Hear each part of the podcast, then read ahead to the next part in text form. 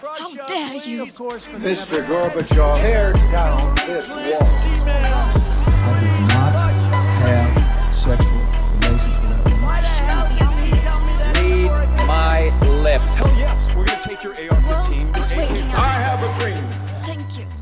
Since uh, Hamas attacked Israel on October 7th, the violence has been unabating. The sheer destruction in Gaza is beyond comprehension, and yet, despite all the violence, Hamas and Israel are still fighting. It has become almost a cliche now to say that the conflict is complex and complicated, but at the same time, it really is. Uh, it is argued that the problem is Hamas terrorism or perhaps Israeli terrorism, uh, but maybe uh, the acts of terrorism on both sides uh, are more like a symptom of a deeper conflict. So, to explore this topic further, we are joined by Nadim Khoury, Associate Professor at the Department of Law, Philosophy and International Studies at Inland School of Business and Social Sciences, or for our Norwegian listeners, Høgskolen i Innlandet. Uh, so, welcome, Nadim. Thank you, Sondre. Thank you, Harald. It's uh, it's it's it's great to have you on. Uh, we talked just before we started the podcast. You know, like coming on the radar in Norway as an academic. You're an academic in Norway, but you you've made quite a journey, I think, from from Palestine to Norway, and now teaching, and now being invited uh, and to talk about this conflict, which is you know quite close to you. So, could you just provide our listeners with just a brief background of you know the situation here and you, and your place in it? Sure. Um, so I'm. Uh, my name is Nadim Khoury, as you said. I'm a Palestinian that uh, grew up in both Jerusalem and Bethlehem. So occupied East Jerusalem and occupied Bethlehem. Uh, so born in 1981 and grew up with what's known as the first Intifada, which is the first kind of uprising in the West Bank against Israeli occupation. And then studied in a French school because our there were so many strikes and our schools were always closed. My parents decided that let's just put him in a school that you know is functional on a day-to-day basis in West Jerusalem. So then I was trained in a French school and logically then went to France to do my education, studied philosophy and literature there, started my PhD, got sick of France, went to the US, continued my PhD there. On the way, met a wonderful Norwegian wife that eventually brought me to Norway at the end, and that's what that's why I'm here now in Oslo and happily so, and teaching at the Høgskole and in Innlandet. Mm. Yeah. Uh, and you were also in. Uh, I mean, that's a that's a long journey, and you you know you you find your way to uh, find your way to the uh, the, the far north, and the I must you know maybe you have a thing for long cold winters. I Um, do not. but uh, but but you were actually in uh, you you know we, if we skip to you know the to to to the present day situation in October, uh, I read that you were actually in uh, Jerusalem yeah. when that happened. And n- now i mean i read somewhere that you know you you said you were in shock uh, and and now there's been you know uh, a few months uh, actually because we're recording this on december 7th uh, so but looking back just um, what can you say about just that situation being in in the area? Yeah, I was there because I, I regularly go back to, to visit my family, and um, so it's, it's very irregular for me to be there. And since this was a, a break in the Norwegian cal- academic calendar, it was logical for me to, to be there. And then on October 7th, uh, yes, I was in great shock. And the, the reason why, I mean, everybody was in shock just because it, it was not usual, right? What happened? It was just very, very different. The, the level of, of violence and human suffering was was greater, but there was something about the fear, and the fear it came from some kind of deep-seated mathematical calculations that I think all Palestinians have gotten used to, and it's a quite an ugly one. And I'll explain what, what I mean. Once you see the level of Israeli casualties, right? And you, you, you have a ratio in your mind as a Palestinian because that's what you grew up with.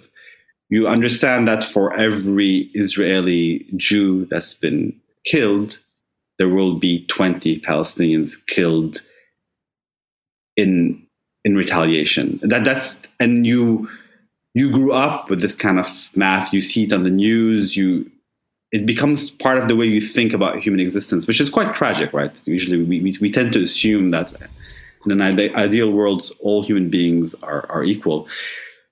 So once you start seeing the numbers rise to the thousands, thousands, you, you foresee what is happening now. You start seeing 20,000, 30,000 Palestinians dead, and you start imagining the level of destruction this is going to entail. So I, my yes, my because of this, my re- initial reaction was absolute shock that Israel will use this to just wreak havoc, havoc on on, on, on, the, on the Gaza Strip. And there was also shock just because it was um, again, as you settle into these patterns, you in Gaza, this is the sixth or seventh war, depending on how you how you you, you count it. And you've gotten used to sort of kind of like what the Palestinian scholar Tareq Baconi has called a violent equilibrium. You know, there's the war in Gaza has played out in a certain way over over the years, where Gaza has been under full blockade by the Israelis. Hamas fights back increasingly with more sophisticated rockets. At the beginning, they were very primitive, or then they attack the, the border, try to kidnap a soldier, and then there's a attack in retaliation, like Israel destroy usually the southern part, but also they attack the southern part, uh, the northern part. Sorry, they attack the northern part, and then they could attack the southern part. And then after a month or two, it settles. It's very bloody, it's very aggressive, but you've gotten used to that rhythm. And this was no longer the case, right? Because now Hamas went in to what's called Israel proper, as it, it crossed what's known as the Green Line, Hmm. which has it has never done before. And then, I mean, and, and the border in Gaza, as, as you probably know, is one of the most sophisticated borders ever. I mean, it's it's incredible what Israel has installed in terms of security, walls, underground, overground, through the waters. I mean, it's impossible to leave or enter Gaza. And suddenly they break free from this this open air prison.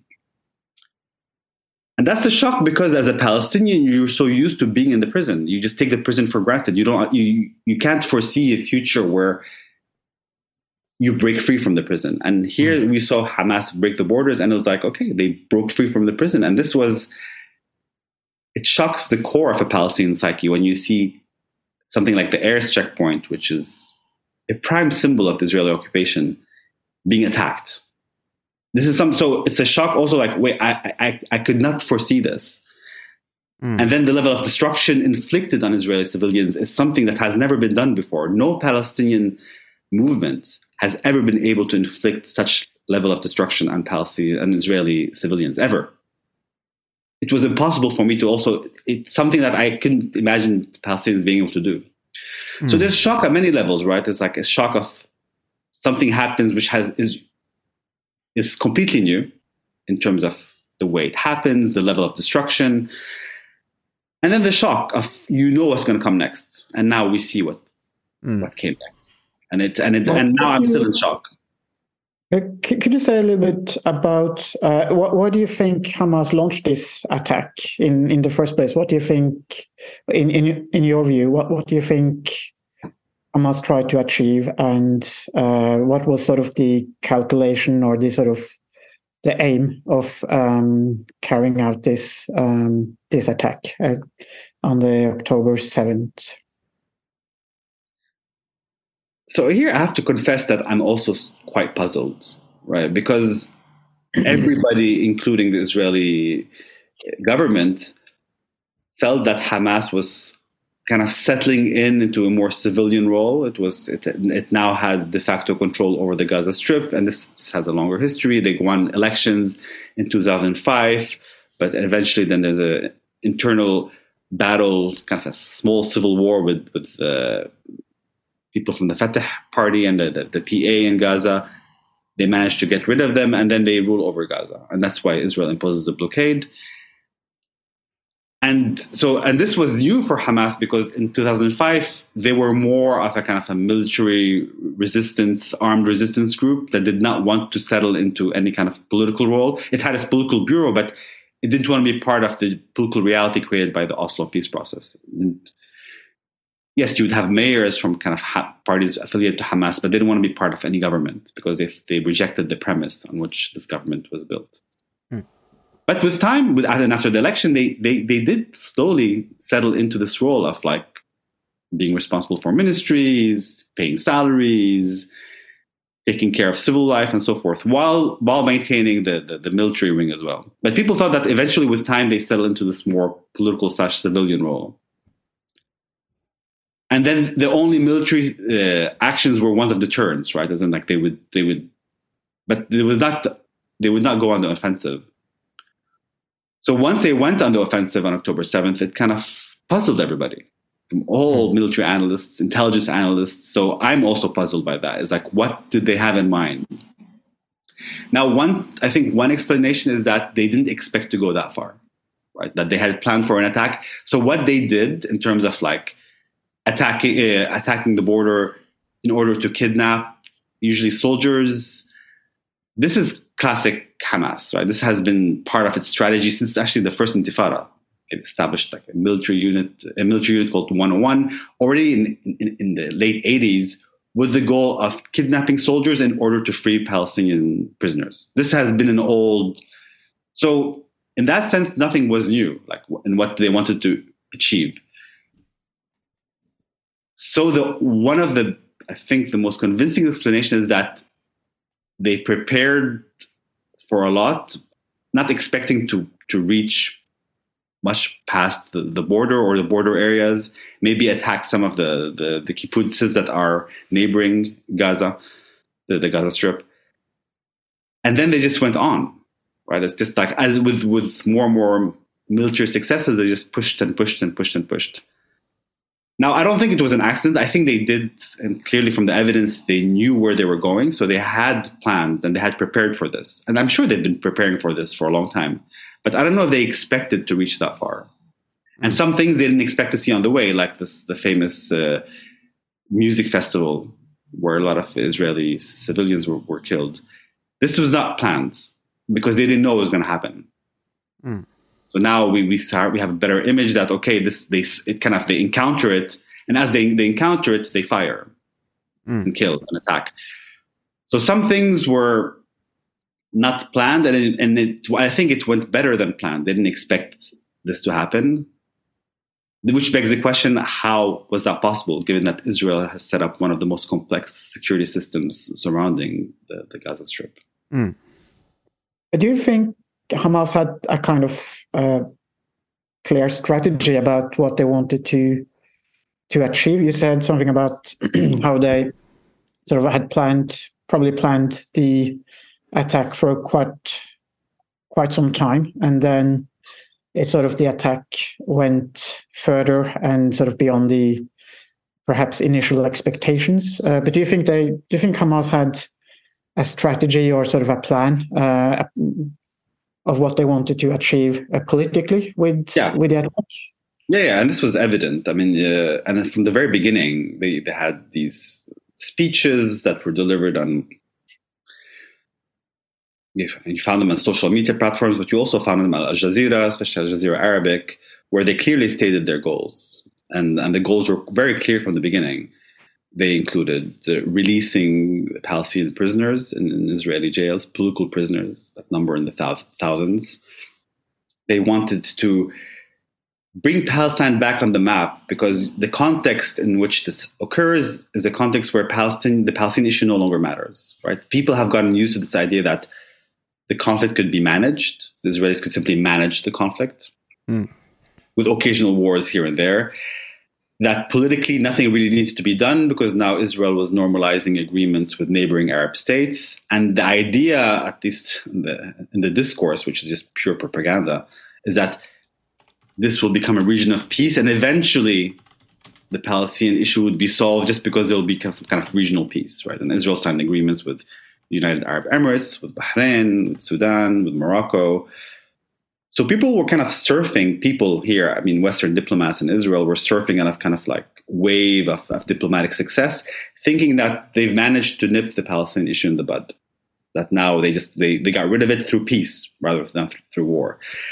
And the next step was Israel normalizing an agreement with Saudi Arabia. And this is a very big step because now suddenly you have the most important uh, Muslim country in the world normalizing agreements with Israel. So and Hamas wanted clearly to to to put an end to this. They thought that this would be sort of kind of a, not the last nail in the coffin, but maybe one of the last nails in the coffin. So they wanted to put an end to this, and then of course, and that's called you know uh, the operation is called Tufan al-Aqsa, the flood of of, of Aqsa of the Aqsa mosque, uh, because there's been a lot of um, more and more increased settler presence in the Al Aqsa Mosque. So they would go and pray, and and this was the kind of threat that they would take over the Haram al Sharif. And then there was also the threat, and which is a real threat of annexation in the West Bank. Like Mm. settlements now number 750,000 settlers in the West Bank. And the threat of annexation has been going on for the last two, three years. Actually, it started with the Trump administration, even a bit before that. So they were, they had clear, yeah, they had clear goals. They wanted to put an end to this. Mm. Now, did they? We'll see with the hostage and slash prisoner exchanges. We'll see what, what that leads to. In the past, they've been quite successful. So uh, some years prior, they, they had kidnapped many years prior uh, an Israeli prisoner, an Israeli soldier called Gilad Shalit, and in return, they've managed to release over a thousand prisoners. Mm. Right? One soldier. Mm. So they thought maybe we could release more. Uh, did they manage to put an end to the normalization agreement with Saudi Arabia? For now, absolutely yes. There's no way in the world Saudi Arabia now could, could sign a deal with Israel. We don't know what happens in the long term, right? Because it's not like Saudi Arabia is a friend of Hamas. On the contrary, Saudi Arabia has been persecuting the Muslim Brotherhood and, and is, is quite against Hamas. Um, has it stopped annexation? That's unfortunately the answer. I think is maybe no, because now I think Israel now is there's de facto annexation, and it's, it's very possible that they'll use this just to for, to to actually annex the West Bank. Hmm. Yeah, so they, so in that sense, they did have military objectives. They clear political objectives. Absolutely, they. I mean, they're an organized party, right? This is not there's this idea that when you think of you brought up terrorism in the beginning that there's just blind violence. People are just out there to, to kill, and no, people. These are now now the the means like killing civilians. Yeah, that I mean that that, qualifies as, as, as terrorism, and it's, it's made to instill fear but they're a political they, they're a political movement that has clear goals and some of these goals align with the overall palestinian political movement right there's a reason this is not isis like this kind of crazy caliphate which is supranational no the goals are very national and they and hamas knows this of course there's a complex complicated relationship between hamas as originally part of the muslim brotherhood and palestinian nationalism and islamist movements were very against nationalism for ideological reasons and but the goals stated here align very much with overall Palestinian goals, Mm. for sure. Yeah. I mean, that's the, uh, I think it's really interesting and important to note uh, because, especially when it comes to the terrorism, uh, the, the field of terrorism studies, and a lot of been, been a lot of Israeli voices that have really pushed in the 70s and 80s uh, to push the narrative that um, terrorists are irrational, uh, deeply evil, uh, crazy people who just want to wreak havoc. Uh, where and I think that's really wrong uh, because the means are horrific uh, and cannot be excused. But in, in my definition of terrorism, uh, it's all about you know especially the pol- political aims, uh, and they can be quite rational. And I think that's what you see here with uh, Hamas, uh, which which uses terrorism, but the goals uh, the goals are quite uh, political and quite rational, uh, although the means cannot be excused or justified or be legitimate. Uh, but you can you can sort of see, and that's why I also said that for me, this the conflict is not about terrorism. The conflict is about a you know much deeper political conflict here, uh, which is also something that our friend of the podcast Jørgen Jensehaugen has tried to mention you know several times that you know this is this this goes much deeper, but. I want to uh, uh, just um, you know uh, uh, aside from the attacks, uh, I I, I want to latch onto something you said about handling the conflict because I think there's some so much in this, you know, because like as if you know Palestinians are just there to be handled in a way that Putin and the West maybe just thinks that the Ukrainians are there to be handled in that conflict, especially you see that from Putin's side that you know Ukrainians don't really have a say; they can just be handled, and they're just like this bulwark against the West. Uh, and I, so when we talk about handling the conflict, and you mentioned, you know, the peace treaties and stuff like that, I want to know more. What does that actually entail for Palestinians in your experience? Do you have anything you can share? Just like how, how what, what how what is it like to being handled in that sense? Yeah, I mean, there is now just to go to the, the larger question, there is a shift from managing the conflict, handling the conflict, to an existential war, right? And this this is something we're experiencing now, and this is something we should really pay attention to because it's a qualitative and a quantitative shift, right? An existential war is very different from managing the conflict. Yeah. And now Israel speaks of this war as an existential war. I mean, they're talking about it as a second war of independence. Now, whether this is truly the, the case that this has threatened Israel in its existence, I think objectively, no, but subjectively, yes, right? People fear, and they, when they refer to it as a, they put it in line with the Holocaust, all this taps into deep seated fears about Israel's existence and so forth.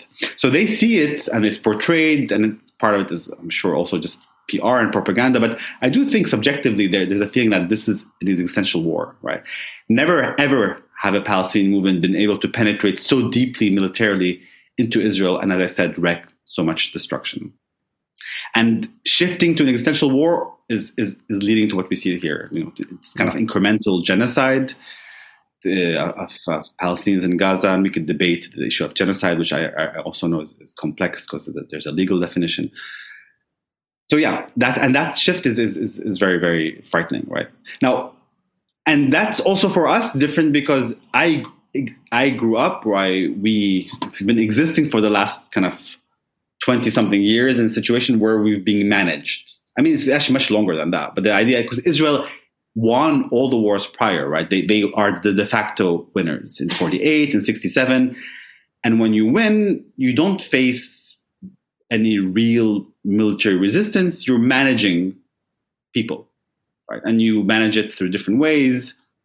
Mm. So we've always been, and that that was the idea that these people could simply be managed. Israel thought they they could, and this happens through many ways. I mean, the peace process could be understood in this logic, right? The peace process is managing a population by saying, okay, we agree certain, we agree to this.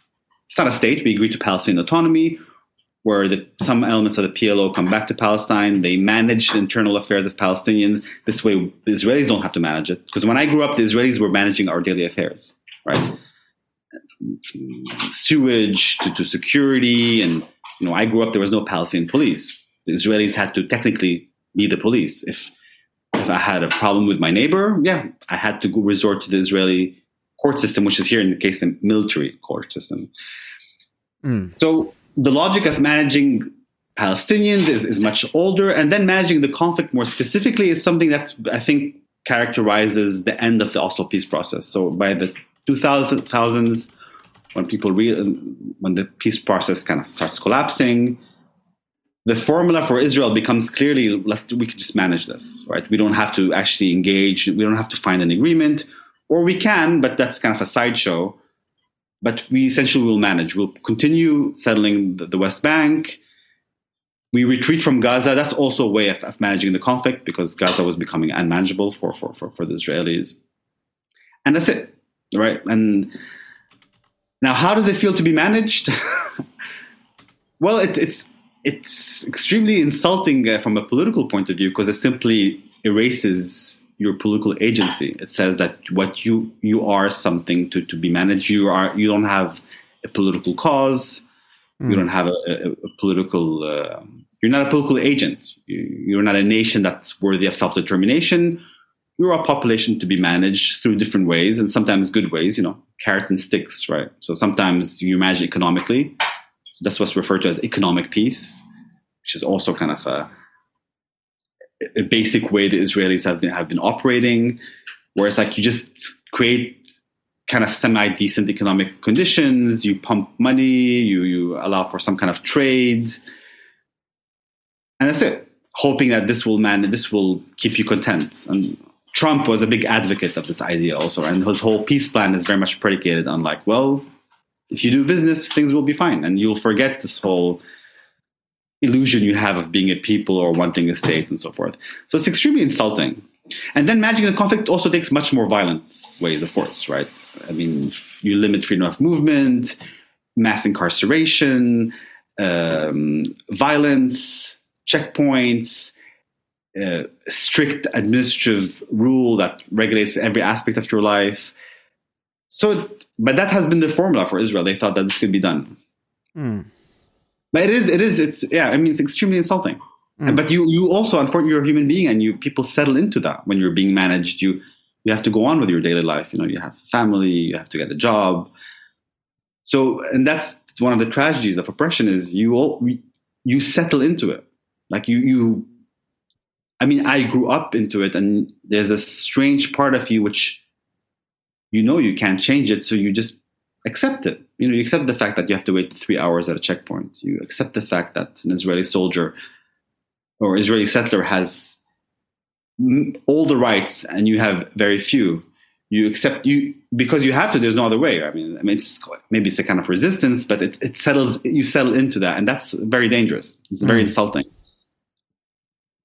So yeah, so there's a many. Sorry, that was maybe a a long answer, but there's a macro aspect to it. Like, what does it mean to manage Palestinians, Mhm. to prevent them from achieving self-determination? And then there's how this management plays out on a daily life. hmm Yeah, but I but I think that's I mean because it's it's really far you know from the reality. Let's say in Norway uh, or in most other places, and it's I think it's. Uh, you know, I, I I think it's easy to just you know you know this is a difficult conflict. These people are you know there's a conflict you know, and you you, you sort of acknowledge that, but then the actual lived reality, I think it's hard to sort of grasp. You know, like you know, as you said, the checkpoints. Um, also, you said you know if you want to complain about the neighbor, you know, you have the military court, uh, you know, instead of the civilian courts, which is you know a a, a unique uh, and weird weird thing, right?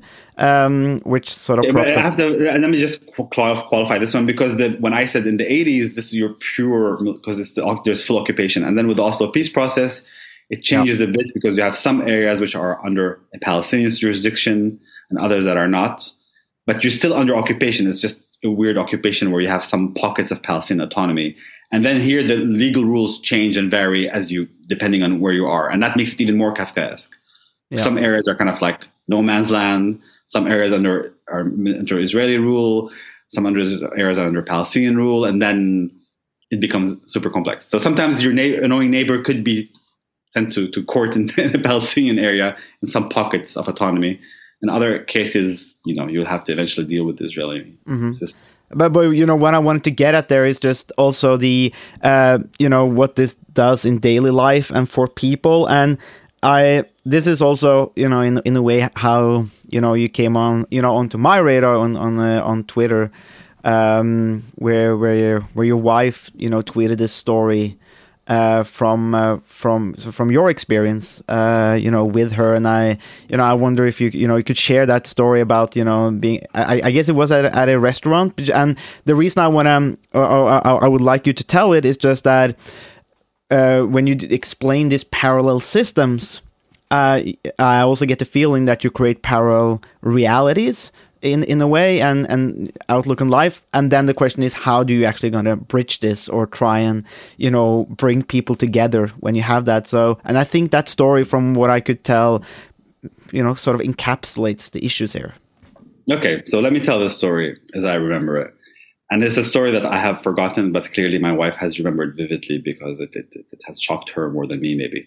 So we were, so I'm a, I'm a Jerusalemite, which gives me the right to move around the country. I have an Israeli ID. I don't have Israeli citizenship. So I'm a, I'm a resident, just like I'm in Norway. And my right to residency allows me to, to move around the, the, the territory much more than, say, someone from the West Bank. And then, of course, Gaza. Absolutely not, since they can't move outside the strip.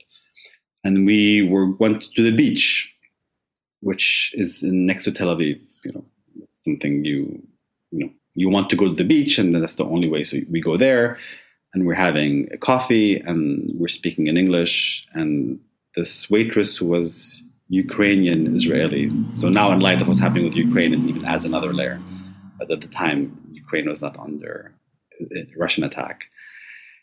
And she said, Where are you from? And my wife answers, I'm from Norway. Oh, wonderful. And what about you? And since you know, I, I don't have an accent or I don't know what my English is, you know, she couldn't guess. And I just said, Oh, I'm I'm from here, I'm Palestinian. And just saying that it shook her to the core. She just said, What? You know, just because for here, her, her hearing, I'm from here and I'm Palestinian, it for her, I'm from here means I'm only Israeli. Like I can't say I'm Palestinian. But then in her mind, she probably said, "Oh, Palestinian, like from the from the West Bank, maybe from Gaza," and and that for her is just some an entity she only sees on TV and radio, and that she fears because that's. But I didn't look like a threatening person. You know, I was there on, on a beach, uh, drinking a coffee. So, so she was intrigued that a Palestinian is a normal human being, you know, who's not the other, you know, in the way she imagined it.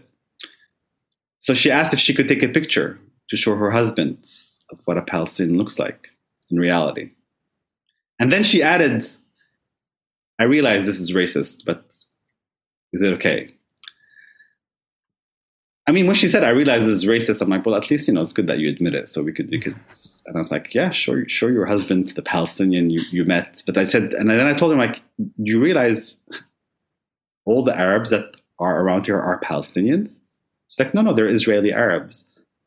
Because obviously, next to Tel Aviv, there's a city called Jaffa, and, and they're they're Arabs, they're Palestinian Arabs. I mean, but they just had a different historical experience and they have Israeli citizenship. And she could not, that could not compute. Like she could not understand that her Arab neighbors, which she sees on a regular basis because they're there. I mean, they're 20% of the population in Israel behind the Green Line. For her, this, these were not Palestinians, they were simply Arabs. And the Palestinians were the people back there, very far away, want to kill Israelis. But who now, but now one of them appeared to be very peaceful, sitting there and, you know, drinking coffee by, by, by the seaside. And that, that just messed with her, her narrative. And my wife found that story extremely amusing or puzzling because she just didn't understand how that could be, right? It's like, what? I mean, imagine I did this in Norway or I see Norwegian, I'm like, oh, can I take a picture of you? I've never seen a, a Norwegian. But the interesting part is that it didn't surprise me and it didn't surprise her. It only surprised my wife, who's Norwegian. So it's almost like if you come to it from an objective perspective, it's a really messed up reality. But we have both, me and the Israeli Ukrainian waitress, have settled into reality where I know how it is. I, I know that, you know, you are part of the dominant group, I'm part of the dominated group. And in this case, it, it didn't lead to some kind of violent encounter. It led just to a very abstract, weird, strange encounter. So, yes, there's absolutely a parallel system for Israeli Jews and Palestinian Arabs all over the territory from the river to the sea. Right? This is uh, across, and then it plays out at different levels. And this is something which I have to specify because we think democratic states are like states of all their citizens. Yes, of course, there's social inequalities, economic inequalities, but a citizen is a citizen, right? People have Israel is not a state of its citizens. Israel is a state of its Jewish citizens, and explicitly so. Right? This was not maybe explicit in the, I mean, it was explicit in the project of Zionism, absolutely, because it's self-determination for the Jewish people. And then it becomes explicit in law in, in 2018 when Israel passes a nation-state law, which says that Israel is uniquely the, the like only Jews have a right to self-determination and, and that settlements is a way of expressing self-determination and so forth. So you have a system where it's a state for a certain people, and then the rest have to be, like you said, managed, and they were managed differently through historical times. So on maybe if there's a hierarchy, on top of the hierarchy you have Palestinians in Israel who have Israeli citizenship, and that gives them a certain set of rights that people in Jerusalem, like myself, do not have. I'm a resident, and that's specific to the people in Jerusalem. So I can't vote in national elections. Maybe I can vote in municipal ones, although we, we boycott them. And then my right, my rights are, are, are, more limited, but I have more freedom of movement than someone in the West Bank, who to cross into Israeli areas needs a permit. And usually these permits are extremely hard to get, so they they're contained to their areas in the West Bank. And under the people in the West Bank, you have the people in Gaza, who live under blockade and a big prison system. And then you have Palestinian refugees who were expelled from Palestine and never allowed to go back, and they still in, live in refugee camps with their families. And then you could add the diaspora to some extent, where I mean, maybe now I'm becoming a diaspora Palestinian, so I, and all these are different layers of experience. So it's like not only that there's parallel realities between an Israeli Jew and a Palestinian Arab, uh, absolutely. There's also amongst Palestinians different layers because of these different realities. So that adds yet uh, another la- layer of confusion. Not confusion, I mean, it's oppression, but it, it leads to cognitive dissonance and uh, mm. the way it plays out mentally, it leads to, to different kinds of confusions. How do you bridge this? yeah, that's. I don't know. I don't know if you can. You, I mean, you can't really bridge it. You could learn about the other. You could, and this was very much a 1990s thing with the Oslo peace process. There's all these projects of like bringing people together so that they know their realities, and it felt more like theater than actual politics. But it did. I think psychologically, it did. There were some boundaries being broken where it's like, wow, okay, now Palestinians and Israelis are actually sometimes meeting and talking to each other. But it created this weird reality where they would be put together to do theater together, to put football together, while the reality is one of occupier and occupied. So it's like they would meet in these, maybe send them out to Norway, somewhere in the fjords, and they would play football together. And then one, each one goes back to his reality, which is one, the Palestinian goes back to an occupied reality, and the Israeli goes back to one of uh, being the mm. occupier and that that that also created its own set of cognitive dissonance. It's like simply talking and you know bridging the difference, as you said. That's not enough. It's not a psychological exercise where I just talk and meet. You need to change the objective realities in which we, we exist, and these are ones of oppression. Mm. So what you need to do is you need to address both the objective and the subjective aspects, and that's extremely difficult. It's not impossible, it sounds impossible, and for me, it seems impossible now. But we've seen cases in history where people have been they won't become necessarily best friends or anything, but you know there are ways of overcoming some of these things. Mm. Um, I, I have um, a question going back to some of what you said at the beginning. Um, some kind of um, that it existed, that at some point you had a kind of uh, equilibrium of violence between Hamas and and Israel. Um, and one narrative that, I've, heard um, a couple of times recently after the um, October 7th attack uh, is that Hamas and Israel, they were sort of locked into some kind of equilibrium where Hamas was sort of the the best enemy is uh, the the right wing uh, government in Israel could have, uh, because they could point at Hamas and say that look at these horrible uh, people, um, and at the same time, um, the government in Israel was sort of the the opposite, sort of worked in the same way for the for Hamas because Hamas could say that look at at Israel and look at the government and all the things they're doing um, doing to us. And so some some people say that they that both Hamas and the the current government in Israel they were sort of locked into some kind of um, equilibrium where um, both sides could use the other, the sort of their their opponent uh, politically. Um, in Israel, they could point at Hamas and say that, well, you need to vote for um, a right wing government because we care about security and uh, we're the only only political party, political force uh, able to protect uh, Israelis against um, against uh, the the evil um, Palestinians. And likewise with Hamas, they could say that uh, look at the Israelis; they are um, only oppressing us, uh, occupying us. They are sort of they they don't want a um, to give us um, uh, independency and so on.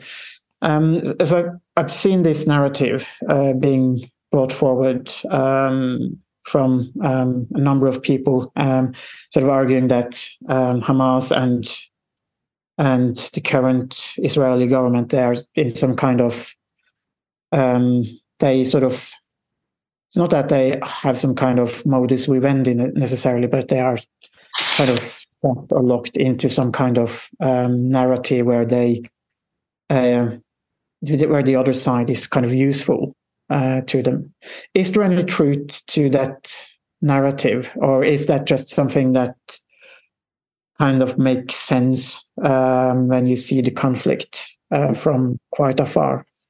Yeah, I mean, to, to answer the question, you need to have some kind of basic understanding of the Israeli left or liberal left and the Israeli right and the peace process and Hamas's relationship to. I think one part of the answer to your question is, I think, a clear yes, in the sense that Hamas is, for the right, Israeli right especially, is a very convenient excuse to say, well, look, there's no way we could do have any agreement with them. Right? This has been, and they said this explicitly, right? Is that the idea that actually like the PA or the Palestinian Authority, and it, it, it, gives Israel a diplomatic headache. It's just like we need to make progress on this whole peace process. We don't want to make progress. We want what we want is further colonization, further and actually annexation. And they're giving us headaches at the UN, potentially the International Criminal Courts. Hamas is easier to deal with because it's just a military issue, and since we have military, you know, dominance, it, it's that's it. We we can deal with it at this level, and yeah, we get some headaches afterwards because we violate international humanitarian law, and we, but we move on because our security is our trump card. Everybody thinks our security is what matters the most, so we get away with it. So in that sense, yes, Hamas was to some degree convenient for for Israel's project of, of, of further colonization, and then also it it it manages to fragment Palestinians because now there's no longer Palestinians. There's Fatah and Hamas, as if the Palestinian issue just collapses into two political parties, which is uh, very tragic for the Palestinian cause and uh, tragic for me as a Palestinian because then imagine I reduce Norway to two political parties. That's not what Norway is, right? Mm. So the same thing with, Palestine. And so that was convenient because then it plays into a manage, uh, strategy of fragmentation, and it goes back to this idea of managing the conflict, where now you have you manage the West Bank in one in one way and Gaza in the other, and and the since this has now been playing out for you know over 16, 17 years. It's become two very complex forms of management and that are quite different. They have the same logic, they attack the same people, but they are different. So in that sense, yes, it, it fits within Israel's, uh, I think, project. And now the right, maybe more than the left. If you want to say that, then you are assuming that the left have been pursuing a, pro- a, peace process, whereas the right has been against the peace process, and that is the case on paper, right? The Israeli, the Likud explicitly rejects the peace process. I mean, it, it's uh, the party platform explicitly says from the river to the sea that this is the land of the Jews and and the left has been has endorsed partition in the sense that it accepted that the West Bank is a bargaining chip that it has occupied 67 and that at some point it will negotiate parts of it parts of it no Israeli left party has accepted the idea of negotiating all, of giving back all the West Bank and Gaza in order to have peace right?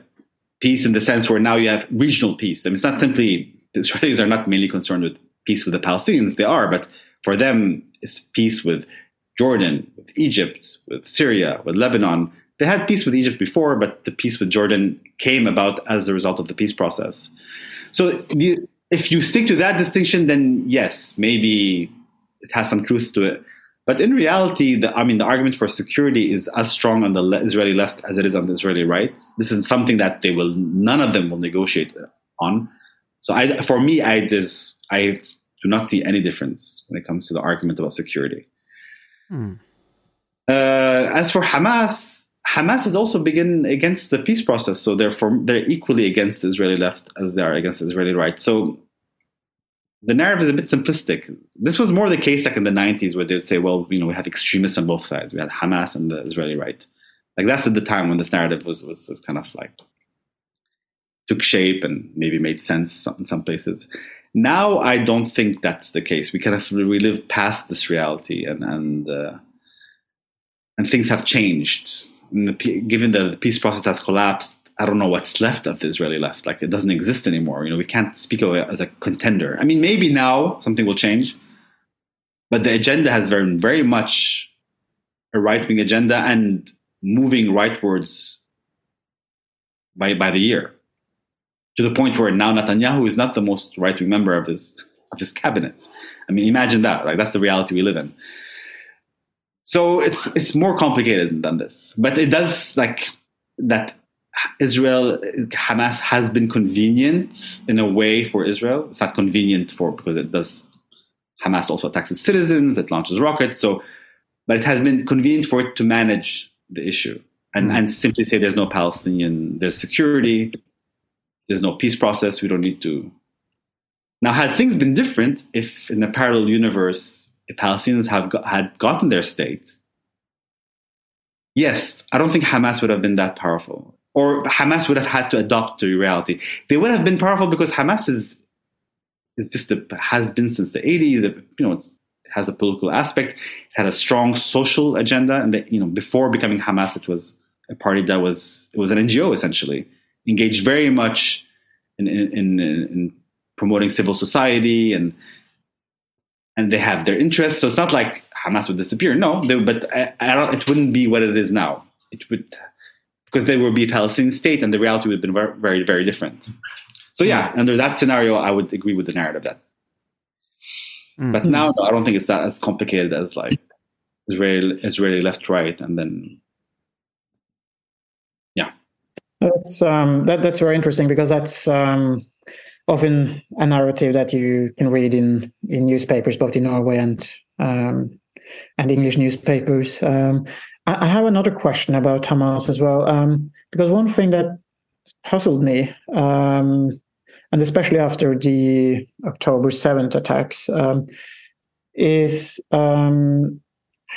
why Hamas why they have an alliance with Iran and and Russia, and why they seem to be um, interested in developing an alliance and support um, from Iran and countries like Russia. Uh, because if you look at it um, from a sort of strategic perspective, um, an alliance with Iran and Russia could potentially also marginalize the Palestinian uh, issue and and also the um, well the idea of uh, a Palestinian state in the first place because Iran and Russia are also sort of marginalized in international politics to some extent. Uh, so, my, so, my, so what I'm wondering, what I'm wondering about is sort of why, why does it seem like Hamas is moving towards those two countries instead of other uh, countries in the Arab world, the Middle East, uh, where who might be more um, influential and might provide um, Hamas and also the Palestinians with um, perhaps what it seems like, at least from from the outside, uh, much sort of stronger alliances and more um, impact and more sort of uh, bargaining power um, against the Israelis. Okay, I am. I'm going to try to directly answer your question, but the, there's some assumptions that need to be a bit unpacked. There's, first of all, is that why do any resistance movements need sponsorship from states? Well, for the simple reason that if you don't have a state, and that's the case of the Palestinians since the beginning, all Palestinian movements have sought sponsorship by states. This is the only way they could have leverage and they get support, military and political. And this is the story of the Palestinian resistance movements from the beginning, right? The, the PLO and then that that were not in Palestine. So these were movements that were that were born out of the refugee camps outside. And the first thing they do is they speak, they seek sponsors, right? Like that's how. So usually neighboring Arab states, and then they different parties would have different ones. The Soviet Union has always been one of those big if you want to talk about major powers, the Soviet Union has been supporting many of these Palestinian uh, movements. So this is quite common to see. You know, that's typical of any, especially when you're a small movement with with with uh, it's way of getting leverage. And then this you, it's symbiotic because you use them and they use you. Right? So like they they they also have bargaining power. So both parties have interests in in, in these relationships.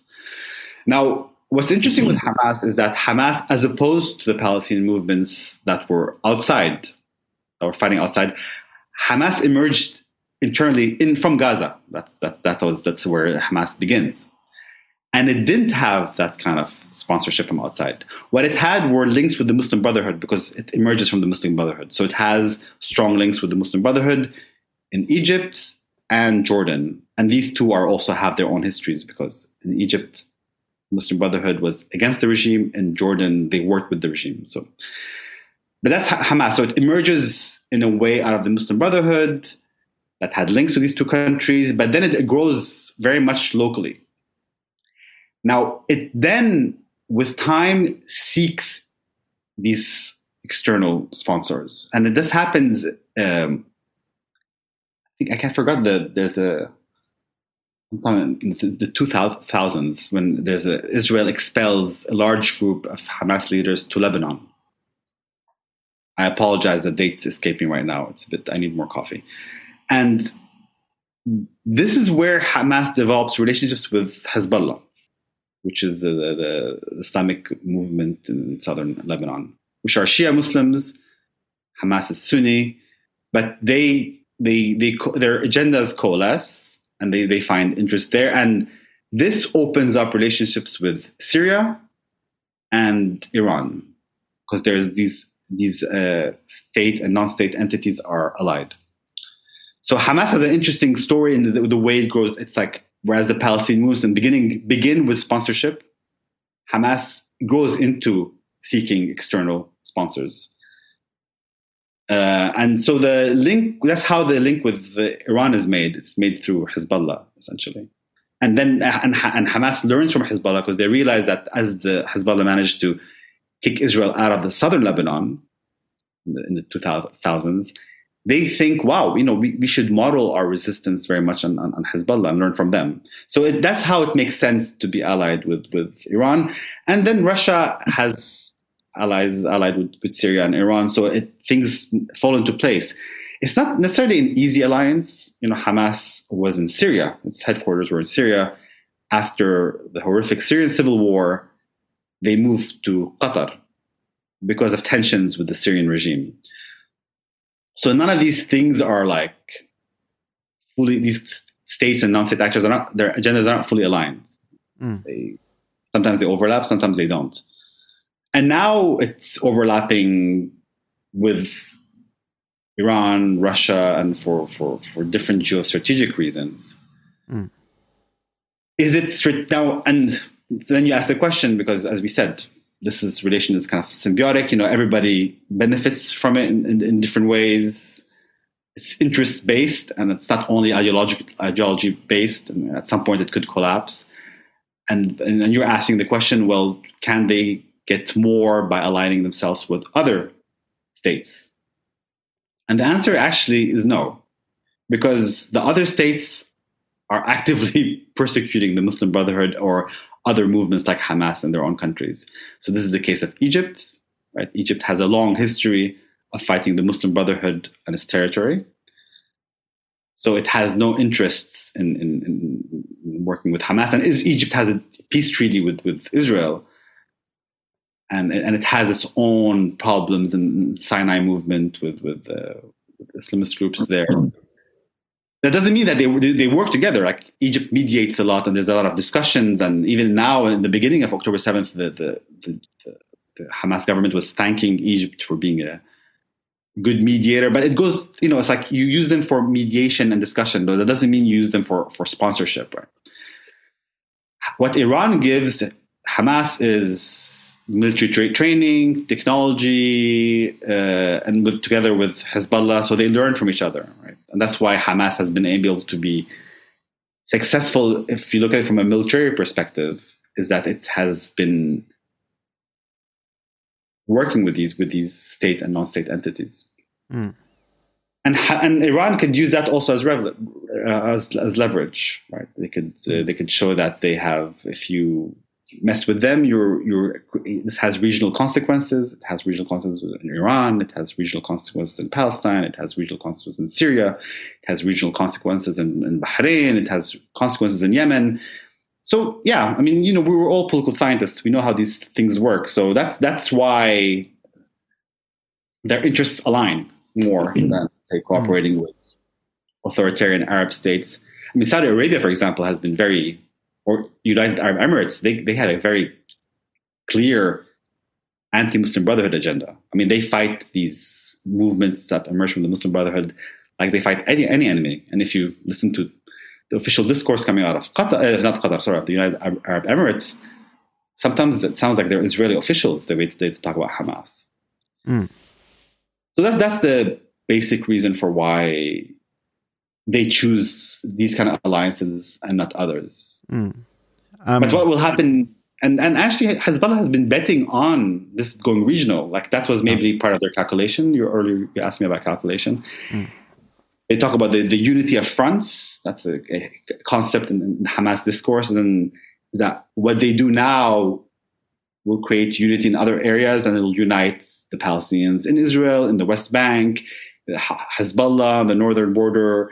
And then in this case, it would create regional threats, which will give it le- leverage. So maybe that was part of their calculation. They thought that, and to some degree they did, it became regional quite quickly. I mean, when the US stepped in militarily, fearing that it would become regional.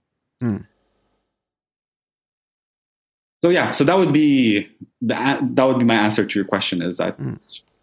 from a geopolitics point of view, it, it, these alliances kind of make sense. That, that doesn't mean they're everlasting, right? I mean, like any kind of alliance, someone could be dropped, someone who changed perspective. As they change from Syria to Qatar, you don't know. Now maybe Qatar and Turkey will play a much bigger role than Iran in the future, Mm. depending on what happens to the future. Mm. I'm, uh, I'm I'm looking at my list of questions, and I'm see that we're you know we're running quite long in the episode already, and I'm like, oh, how are we gonna make this? Because you know I have Sorry all these for that. I questions, but uh, but no, no, it, it, it is it is endlessly uh, fascinating, um, and it- there, there's just so much to unpack and discuss, uh, and we're touching on important stuff. But I I'm, I'm wondering if we can just use the sort of the last part of the podcast uh, uh, to just discuss a little bit and hear your thoughts about going forward because you mentioned some of the reality uh, and i have to say looking at the images from uh, you know from gaza you, you you talked about these shifts here from more sort of managing the conflict to more like an existential uh, threat and maybe on the, some some sort of subjective level you know the israelis do feel that but uh, i have to, I, i'm assuming there's a quite cynical calculations from Israeli government as well in abusing this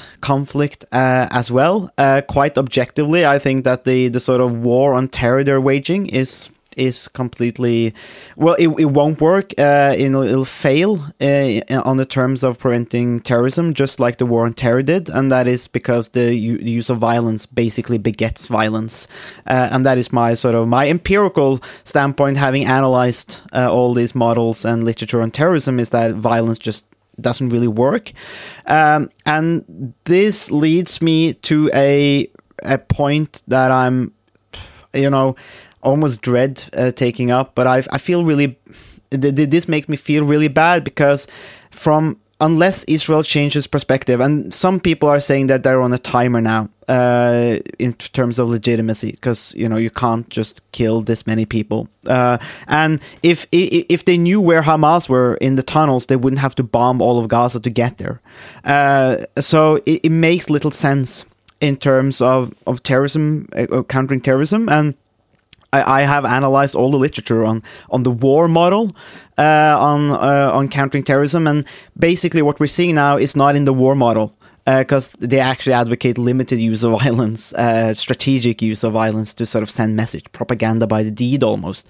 Uh, but what we see now is more large scale destruction, uh, and then I'm wondering how how do you go forward from this because uh, it does not look good. And I look at the pictures, and I have to say that I, uh, I mean, some some would say maybe Hamas is doing the moral jiu-jitsu thing, where they they basically sacrifice their own people, you know, as their own in Palestinians, but they're you know they're their people, because they knew that you know you said the calculation at the beginning, you know, one Palestinian life, uh, you know, one Jew or Israeli is is worth twenty Palestinians, kind of, and you. You, you, you see that in, in Gaza, and I see the pictures of the small children. I'm looking at my kid, you know, holding, coming up with a toy, and I have I am looking at pictures coming out of the rubble in Gaza. You know, this one year kid holding his toy, and I can see that's my son, and I, I, I just like I'm I'm so sad. I, I have to say I'm so sad uh, and it, and it really it really bothers me um, really uh, so this is almost hard to talk about when I look at those uh, pictures and I think about those pictures. And then I think about more objectively how the hell do you go forward? Because you're pushing a lot of people into the arms of Hamas. You're creating more terrorism. All these people are kids. They're traumatized. How are you going to move forward in bridging this into any kind of solution two two state solution one state solution? Wh- what is israel's plan here? Because there are 2 million people in this area so and you're creating all this trauma and all these people that are there they are also gonna um, uh, grow up hating israel uh, and the distrust is going to be there. So, but we have to find a way forward because this is a conflict, and there are two million people there. So, you know, what? Just Well, what they're not going to grow up hating Israel because they grew up hating Israel. I mean, they we grew up with this horrific. This is again, it has been going on for so long, and people had grew up with this. And as you said, people and when every avenue is closed, because what happened with the Oslo peace process is that it actually opened up a diplomatic venue. I mean, a bad one, if you just pay attention to the accords and what was signed, there's clear asymmetry of power. There's actually no mention of statehoods in the in the the, in the accords of the. So it's strange, right? You sign. Everybody talks about a two-state solution, but the Oslo, the documents of the Oslo peace process don't mention a Palestinian state. This is like something to be discussed at the end. Like we will discuss this in final status issues. So hmm. you know, like whereas a, a good peace process would have said like that, the goal is two states, right? And that would have given hope. But regardless, it opened up a diplomatic venue, and that that closed down. It shut down. And actually, what it showed us is that things got worse with the Oslo peace process. On the ground, it only got worse. I mean, settlements doubled in the first decade of the Oslo peace process. Doubled. More checkpoints. So the prospect of a state lessens with the peace process rather than increased. We were the, the, the fantasy of statehood, yes, that was there. That was promoted by Western diplomats, tons of aid, discourse, but the reality, absolutely not. People saw less and less of that. And so people, the generation before already grew up with frustration of like no statehood and the, the need to, to resort back to, to armed resistance and this has shifted with time, of course. So it's not that the people who grew up, and now people who grew up, yes, with absolute, I mean, it's going to be much worse. But this has been ongoing for a while, and it just just justifies what what people have thought. Moving forward, I don't know. I mean, I can only think of, I could think in the short term what could happen, and it's very hard to think about it on sort of like a as a political scientist or some kind of analyst, given that as a Palestinian, I'm, I'm just wrecked inside, you know, seeing see, seeing what's happening. So imagine how you feel. Imagine how I feel when I see this, because I it's not that I could see myself there. It's like I could potentially be there. Or like what happens next in the West Bank, we don't know.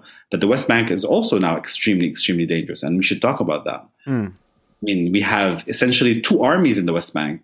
We have an army of Israeli soldiers, and we have an army of settlers, and their and their and their method of warfare is taking land and building over you know that's and that's going to be terrible for the future. Now it doesn't reach the level of violence of, in gaza but that's also something that that that's uh, extremely extremely extremely dangerous.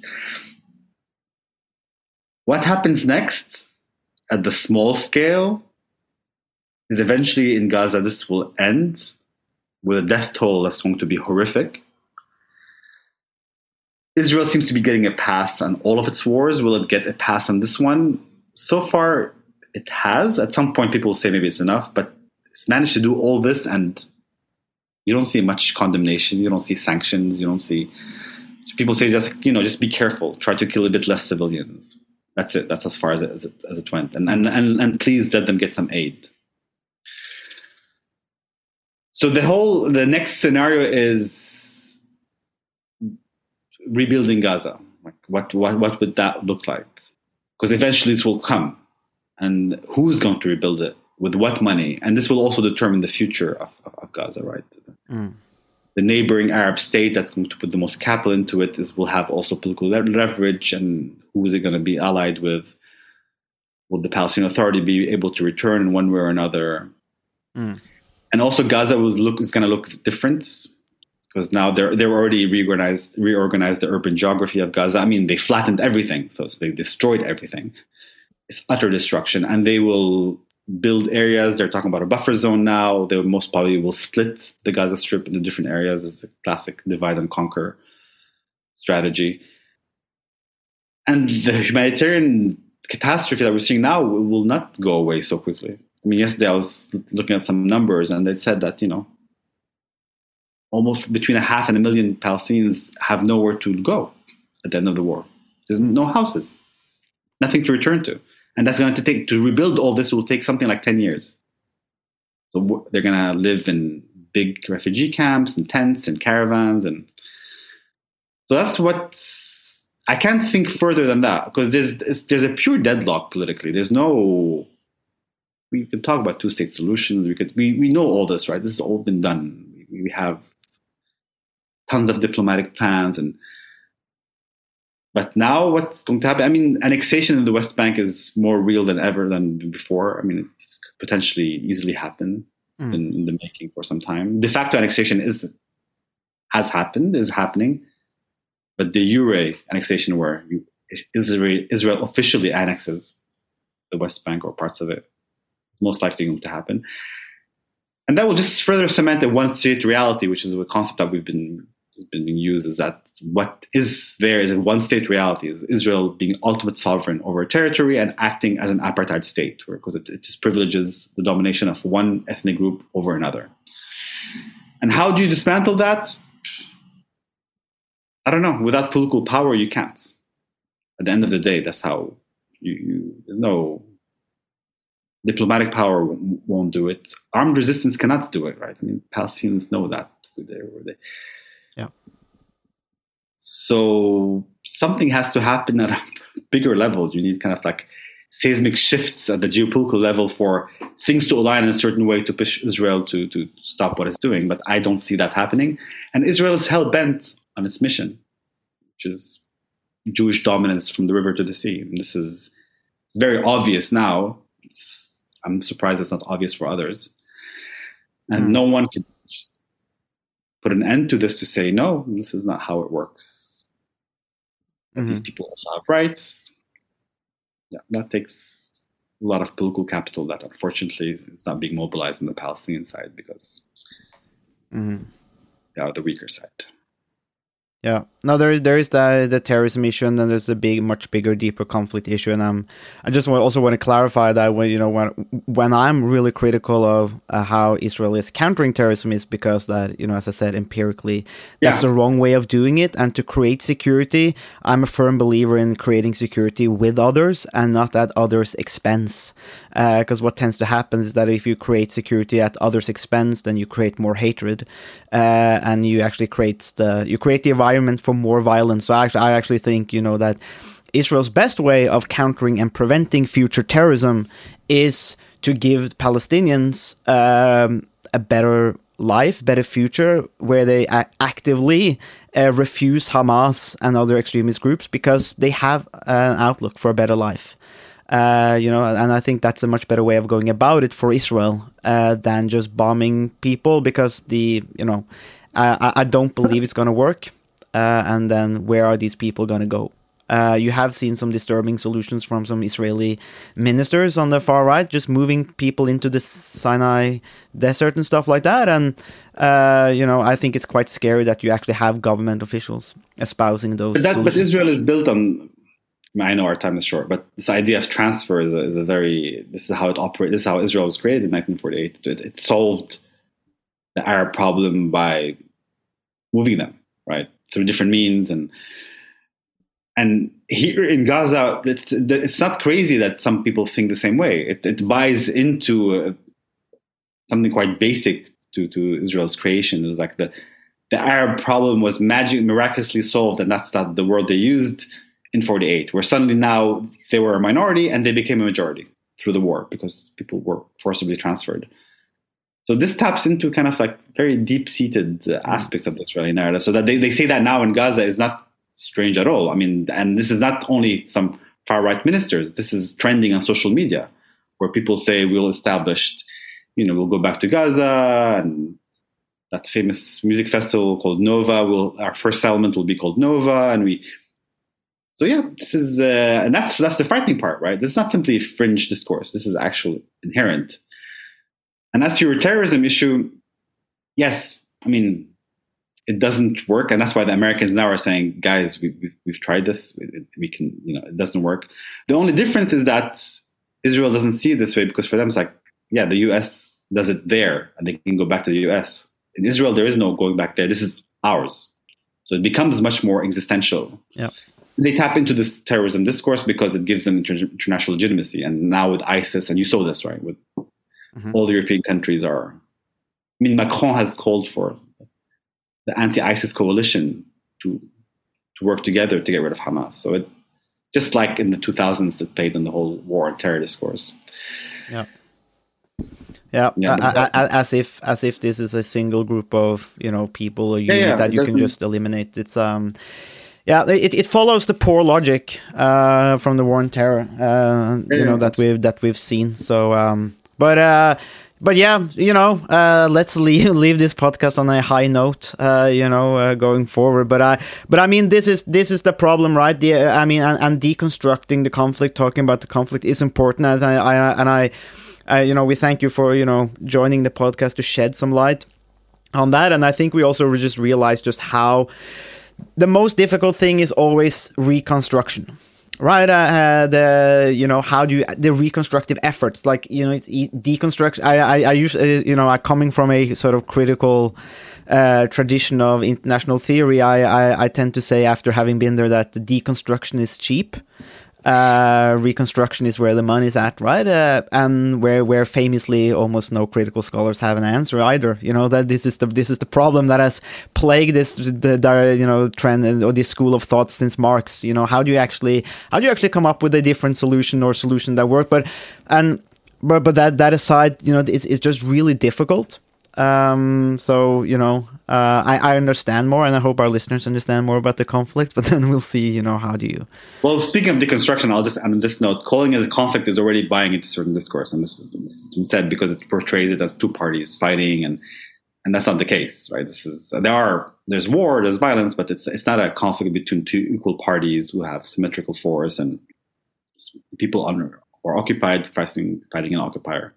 But let's not go into these things. And I fully, since I feel I belong to this tradition of critical thought, I also share some of your epistemological concerns of like what do you how do you build after you deconstruct Yeah.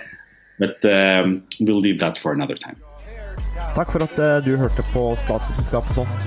Har du spørsmål, kommentarer eller tilbakemelding, så er det bare å ta kontakt på vår Facebook-side, per e-post eller brevdue. Musikken er som vanlig laget av Robin Horvath, og Mats Halvorsen mikser og redigerer podkasten. Vi høres!